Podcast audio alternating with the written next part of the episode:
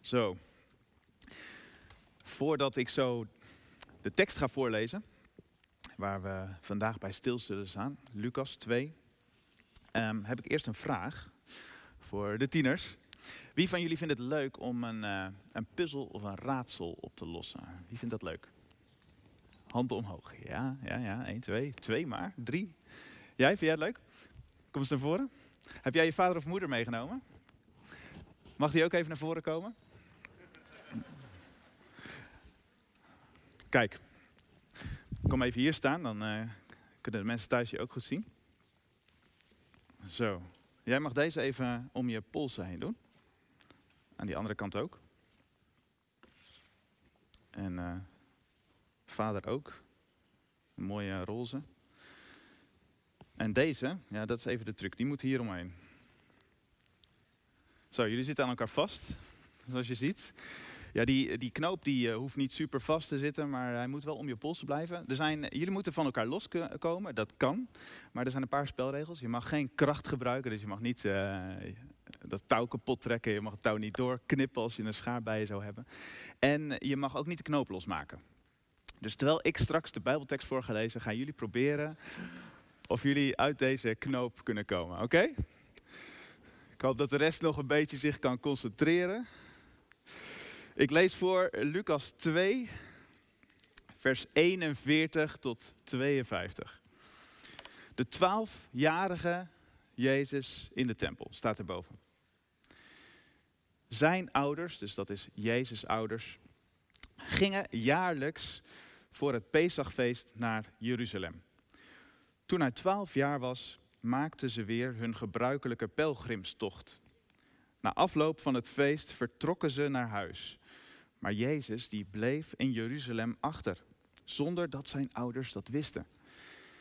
In de veronderstelling dat hij zich bij het reisgezelschap bevond, reisden ze een hele dag voordat ze hem overal onder hun verwanten en bekenden begonnen te zoeken. Toen ze hem niet vonden, keerden ze terug naar Jeruzalem om hem daar te zoeken. Na drie dagen vonden ze hem in de tempel, waar hij tussen de lera leraren zat, terwijl hij naar hen luisterde en hen vragen stelde. Allen die hem hoorden stonden versteld van zijn inzicht en antwoorden. Toen zijn ouders hem zagen, waren ze ontzet.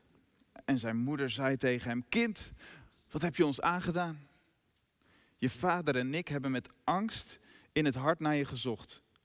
Maar hij zei tegen hen: Waarom hebt u naar me gezocht? Wist u niet dat ik in het huis van mijn vader moest zijn? Maar ze begrepen niet waar, wat hij bedoelde, wat hij zei. Hij reisde met hen mee terug naar Nazareth en was hun voortaan gehoorzaam. Zijn moeder sloot alles wat er met hem gebeurd was in haar hart. En Jezus groeide verder op en zijn wijsheid nam toe. Hij kwam steeds meer in de gunst bij God en de mensen. Tot zover het woord van God. Hoe gaat het hier rechts naast mij? Dat is lastig, hè? Oh, oh jullie zitten nog meer in de knoop dan net. ja, mooi. Nou, jullie mogen hem even afdoen. Uh, neem het touw mee en dan straks aan het eind komen jullie weer terug. En dan ga ik jullie een handje helpen. En dan ga ik ook vertellen waarom dit met de preek te maken heeft. Dank jullie wel.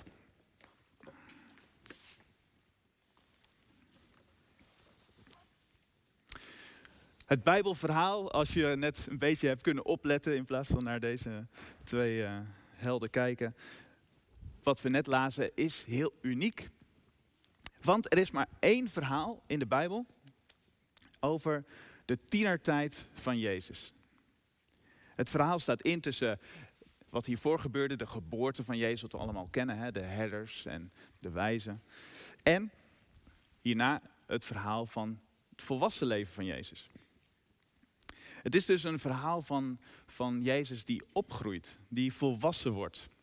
En uh, ze noemen dat in de filmwereld ook wel een, een coming-of-age verhaal.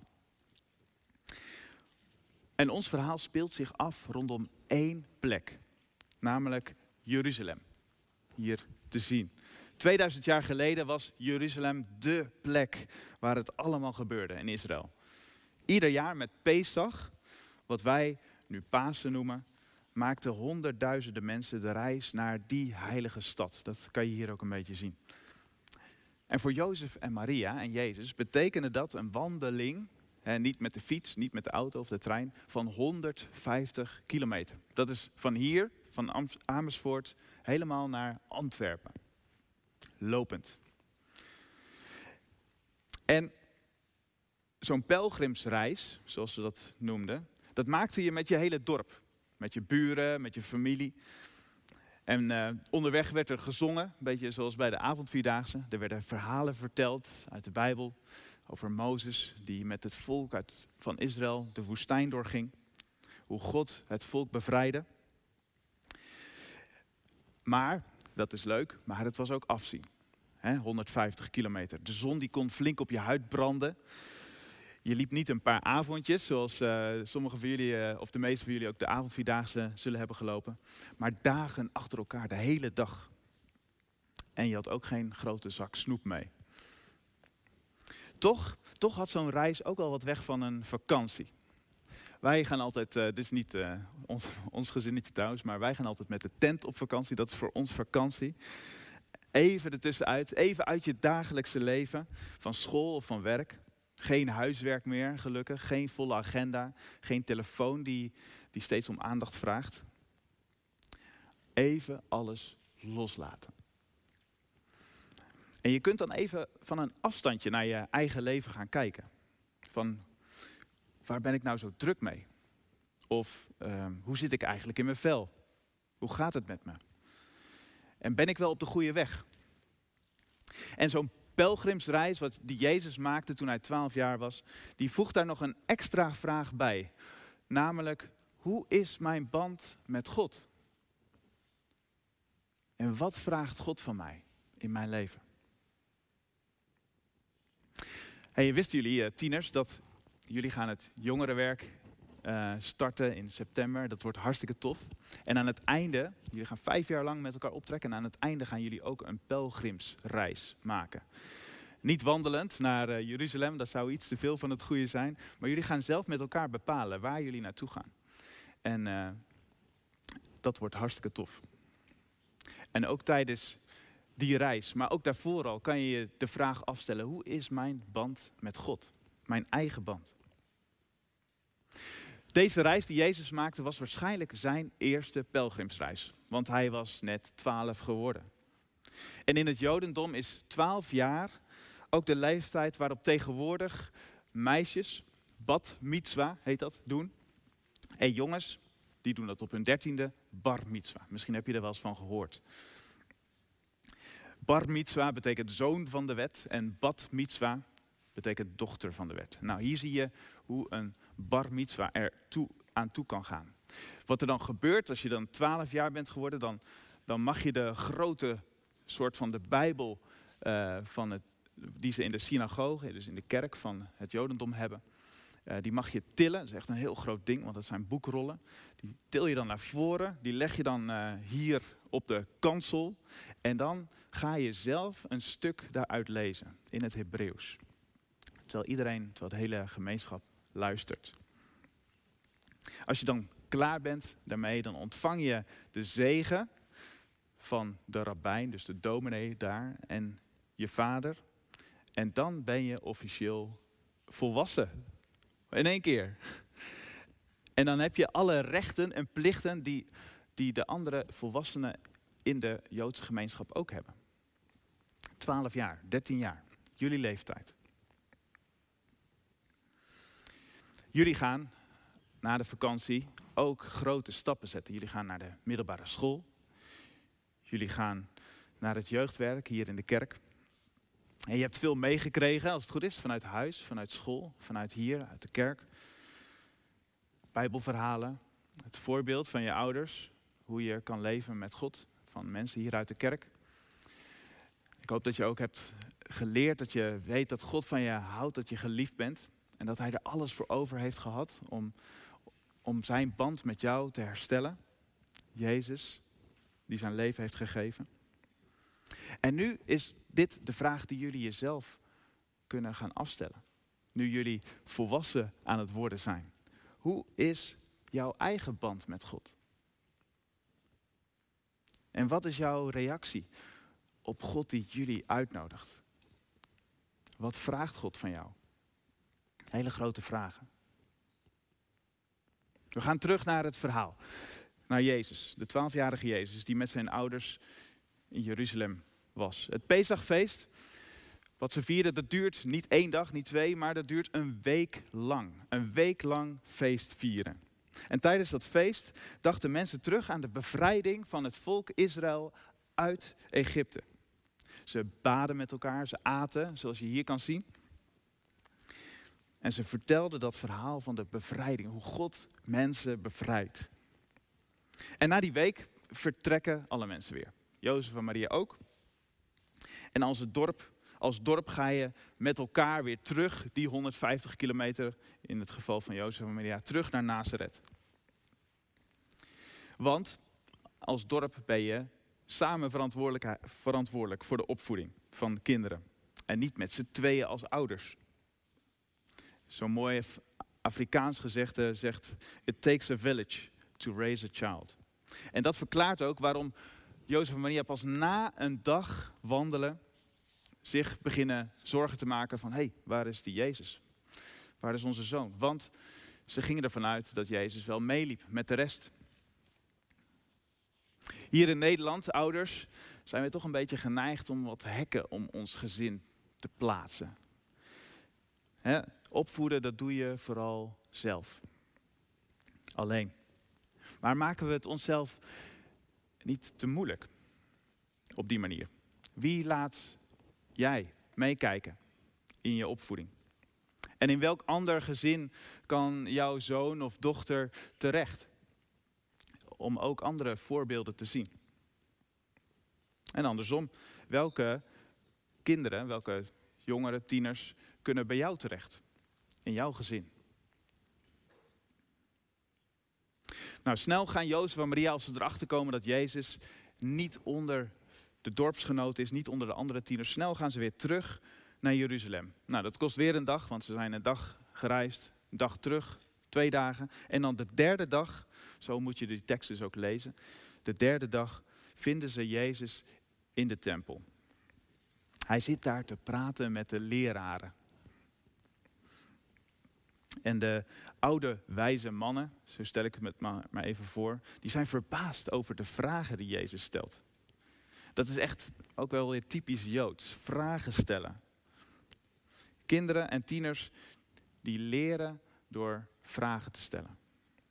In mijn tienertijd kreeg ik ook steeds meer vragen bij het geloof wat mijn ouders me hebben meegegeven en wat ik in de kerk had geleerd. Hoe zit dat nou precies? En klopt dat wel wat er is gezegd? Waarom heb ik dat zo geleerd? Hele goede vragen. En ik hoop dat jullie tieners die vragen ook zullen stellen aan jezelf, aan je ouders, hoe moeilijk de vragen ook zijn, en hier in de kerk aan de jeugdleiders. Vragen en twijfels zijn niet gek, ze zijn goed. Ze horen erbij als je, als je opgroeit, als je groter wordt. En nog belangrijker, God is niet bang voor jouw vragen. Nou, terwijl Jezus daar rustig in de tempel aan het praten is met de leraren, ziet zijn moeder Maria hem plotseling. Ze rent naar hem toe ze pakt hem stevig vast en zegt: Kind, wat heb je ons aangedaan? Je vader en ik hebben met angst in ons hart naar je gezocht. Die bezorgdheid, die, die kan ik als vader ook wel begrijpen. Als moeder en vader is je kind het meest kostbare wat er is. Een aantal weken geleden heb ik uh, ons dochtertje leren fietsen. Ze is vijf, Joelle. beetje laat, zullen sommige ouders misschien uh, nu denken. Ja, klopt. Uh, en daarom kon ze het ook in één keer. Dat was wel heel prettig. En ze wilde niets liever meer dan fietsen. Dus de volgende dag naar school wilde ze natuurlijk op de fiets. Zo'n heel klein fietsje. En je weet hoe dat gaat, helemaal slingerend, waggelend. Nou, de heenweg ging, was heel spannend, maar het ging goed. We moeten een paar grote straten oversteken. En de terugweg, we waren er bijna. Nog één straatje oversteken en ik zag de deur van ons huis al. Maar ik zag in de verte al een auto aankomen over de weg. En ik zei tegen Joella, Joella, we moeten stoppen, er komt de auto aan. Ehm, dus ik deed het voor. Ik stopte voor de, voor de straat. Maar in plaats van dat, uh, dat mijn dochter uh, ging stoppen, deed haar voeten van de pedalen af en waggelde er zo midden de straat op. En ik had het niet van mezelf verwacht, maar er kwam echt een soort oerkreet uit me, in mij naar boven. Ik zal het nu niet hier nadoen, maar ik zei heel hard, stop! Nou, Joella, die, het was al te laat, die luisterde niet, die, die, viel om uh, midden op straat, maar gelukkig luisterde de auto wel. Dus die stopte. Um, maar oh, toen dat gebeurd was, mijn hart ging echt tekeer. Ik dacht, wat als? Wat als die auto doorgereden was? Wat als die auto haar niet gezien had of, of veel te hard reed? Nou, dat gevoel van wat als, ik denk dat het ook in Maria's hart zat. Wat als Jezus nu echt eh, de weg was kwijtgeraakt? Wat als iemand hem iets ergs had aangedaan? Besef je wel, Jezus, hoeveel pijn het ons had gedaan als dat gebeurd was? En toch, en toch, als je je kind wilt leren fietsen, dan, moet, dan kunnen dit soort dingen gebeuren. Als je je kind op eigen benen wilt laten leren laten staan, dan moet je het loslaten. En als je een stukje terugbladert in de Bijbel, eh, een paar versen terug, dan zie je hoe in een ander verhaal in die tempel Jezus als achtjarige baby bij God gebracht wordt. Hij wordt aan God toegewijd. Dat deden alle Joden in die tijd. Je bracht je kind, je oudstgeborene, bij de tempel. En je gaf, je bracht aan God een offer. En dat herinnerde de, de ouders eraan dat wat je gekregen hebt, dat kind, dat God de gever daarvan is. Dat Hij de schepper is, de bron. En ik denk dat eigenlijk iedere ouder wel ergens dat gevoel heeft. Of je nu gelooft of niet, als je je kind voor het eerst in je handen houdt, denk je van wauw, dit is zoiets bijzonders wat mij is toevertrouwd. Het is me gegeven. Het is niet iets wat ik zelf heb bedacht of gemaakt. Het is me gegeven. Toch vergeten we dat nog wel eens als ouders. Dat onze kinderen aan ons zijn toevertrouwd door God. En niet ons eigendom zijn. Of niet een verlengstuk van, van onze uh, ambities. En dat geldt eigenlijk niet alleen voor, voor kinderen, maar dat geldt voor heel veel wat ons is toevertrouwd. Of je nu ouder bent of niet. Dat geldt voor onze vrienden. Dat geldt voor ons spaargeld, ons huis, onze gezondheid. En voor je het weet, heb je het idee dat wat je ontvangen hebt, dat je daar recht op hebt. En vergeet je dat je alles wat je hebt gegeven, hebt, door God gegeven is, hebt ontvangen. Ja, anders dan spaargeld, ik weet niet hoe uh, uw spaargeld uh, dat doet, maar willen kinderen, helpen kinderen je wel om je los te laten, om te leren loslaten. En dat is soms moeilijk, en soms is dat prachtig. Loslaten is, is geen doel op zichzelf. Het doel is, is volwassenwording. Is dat je kind een eigen verantwoordelijkheid leert nemen. En daardoor een eigen plek in deze wereld en ook een eigen plek tegenover God weet te vinden. Nou, hoe reageert die twaalfjarige Jezus? Hij zegt, waarom hebt u me gezocht? Wist u niet dat ik in het huis van mijn vader moest zijn? Jezus, dat, dat, dat lees je hier ook wel, die heeft echt een hechte band met God. Een kort lijntje. En als twaalfjarige Jezus, als twaalfjarige wist hij waar dat Pesachfeest, wat ze net een week lang hadden gevierd, in wezen om draaide. Het draaide namelijk om bij God te zijn, om voor Hem te verschijnen. Je kan zeven dagen feesten, erop losgaan, helemaal losgaan. Dat kan nu helaas niet meer. Ehm, maar vergeten waar het nou ten diepste om gaat. Je kan hier ook, kunnen wij een hele mooie kerkdienst neerzetten. Maar vergeten waarom we hier in wezen zijn. God buiten de deur houden. Of buiten ons hart. En tieners, jullie zijn er goed in, net zoals Jezus ook toen, om scherp te zien waar het nou om gaat. Kijk maar, als, als het goed is kennen jullie haar wel. Kijk maar naar zo, iemand als uh, Greta Thunberg. Die het klimaatverandering aankaart als tiener. En die tegen volwassenen zegt waar het op gaat. En zo scherp kan zijn met wat ze zegt, dat, uh, dat uh, volwassenen er boos om worden. Omdat ze eigenlijk wel weten dat ze een goed punt heeft. Maar het moeilijk vinden om te veranderen. Dus ik zou tegen jullie willen zeggen, doe dat vooral ook hier thuis, maar ook hier in de kerk. Houd ons scherp. Stel goede vragen. Want wij volwassenen ja, kunnen nog wel eens wat saai worden en een beetje indutten. De essentie vergeten. De tekst sluit af met een, met, ja, toch wel een soort mysterieuze zin. Er staat, hij, dus Jezus, reisde terug met hen naar Nazareth en was hen voortaan gehoorzaam. Loslaten, dat betekent niet direct losgaan. Helemaal loslaten. Jezus gaat ook weer mee terug naar Nazareth. En het is niet zo dat hij daarvoor nooit gehoorzaam was, stel ik me voor, aan zijn ouders. Maar dat hij er vanaf dat moment misschien wat meer bewust voor koos om gehoorzaam te zijn. Om naar zijn ouders te luisteren.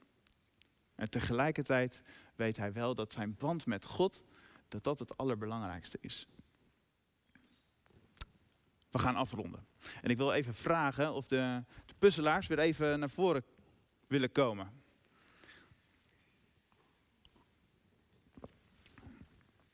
Ik zag jou uh, nog een beetje proberen. Heb je het raadsel opgelost? Oh, het is verklapt. Oké, nou, kijk eens of je het uh, kan oplossen.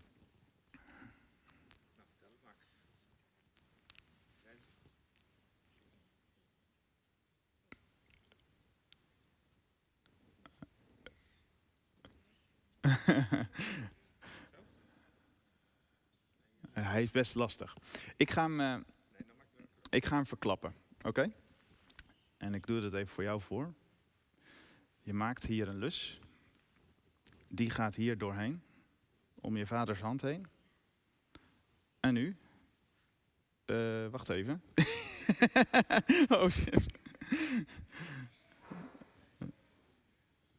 Nee, wacht even. Die lus moet anders.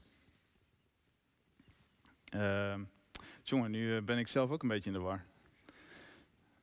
Uh, zo, denk ik. Uh, ben je nu? Ja, tada! Ah, het leuke is, ja, geef ze een applaus. Neem ze maar mee.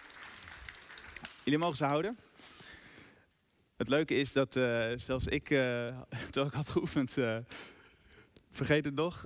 Jullie kunnen allemaal straks, ik heb touwtjes daarachter liggen. Jullie kunnen in ieder geval allemaal één touwtje meenemen. ik heb er niet genoeg voor iedereen twee, maar misschien dat je thuis nog een touwtje kan bedenken. Dan kan je deze truc zelf thuis oefenen, totdat je hem kan. En anders moet je maar even op YouTube kijken, er zijn allerlei oplossingen. Loslaten, daar ging ook dit voorbeeld over. Van elkaar loskomen. Voor tieners, voor jullie betekent dat, stel je vragen. Stel je goede, kritische vragen. Vind je eigen weg met God. Grijp je kans om, om zelf verantwoordelijkheid te nemen, te pakken en durf fouten te maken als het misschien misgaat. En voor ouders betekent loslaten, moedig je kind aan om, om die vragen te stellen. Die vragen die je zelf ook gesteld hebt vroeger. Geef ze verantwoordelijkheid en durf ze fouten te laten maken. Binnen veilige kaders die je voor hen stelt. En voor iedereen, of je nou kinderen of geen kinderen hebt, kijk eens naar elke, naar de vriendschappen of misschien relaties die je hebt, familieleden. Elke vriendschap en elke relatie heeft een bepaalde ruimte nodig. En misschien kan je wel te veel vastzitten aan iemand. Te, te veel aan iemand uh, vastgeklampt zijn. Aan wie houd jij misschien te veel vast? En zou je wat meer de ander moeten loslaten?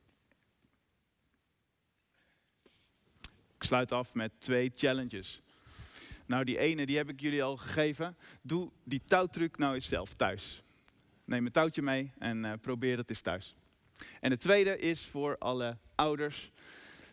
Welke volgende verantwoordelijkheid, want dat, staat, uh, dat is de andere kant van de medaille van loslaten, uh, verantwoordelijkheid geven. Welke volgende verantwoordelijkheid, misschien wel op geloofsgebied, misschien bij je thuis aan tafel, bidden, Bijbel lezen of iets van inspiratie kiezen, zou jij jouw kind willen geven? Die wil ik jullie meegeven. Amen. Ik ga bidden. Vader, we danken u dat we mogen leren loslaten. Het is niet altijd makkelijk. Het is niet makkelijk voor, voor ouders om hun kinderen los te laten, om hen te laten groeien en bloeien. Maar het is soms ook niet, uh, niet uh, makkelijk voor als je tiener bent. En je moet je eigen weg leren vinden. De middelbare school, in dit leven, met alle dingen die op je afkomen. Wilt u ons helpen om te beseffen, als ouder of als kind of wie dan ook, dat we in eerste plaats voor u staan. En dat u ons nooit loslaat. En tegelijkertijd dat u ons de vrijheid geeft om te kiezen, te gaan en te staan waar we willen en mogen staan. Verbonden met u. Als loslaten pijn doet, Heer, help ons dan om bij u naar rust, naar vrede, naar troost te zoeken. En als we loslaten spannend vinden, help ons dan ook om op u te vertrouwen. Heer, zo uh, dragen we elkaar aan u op en bidden we om uw geest in ons leven. In Jezus' naam. Amen.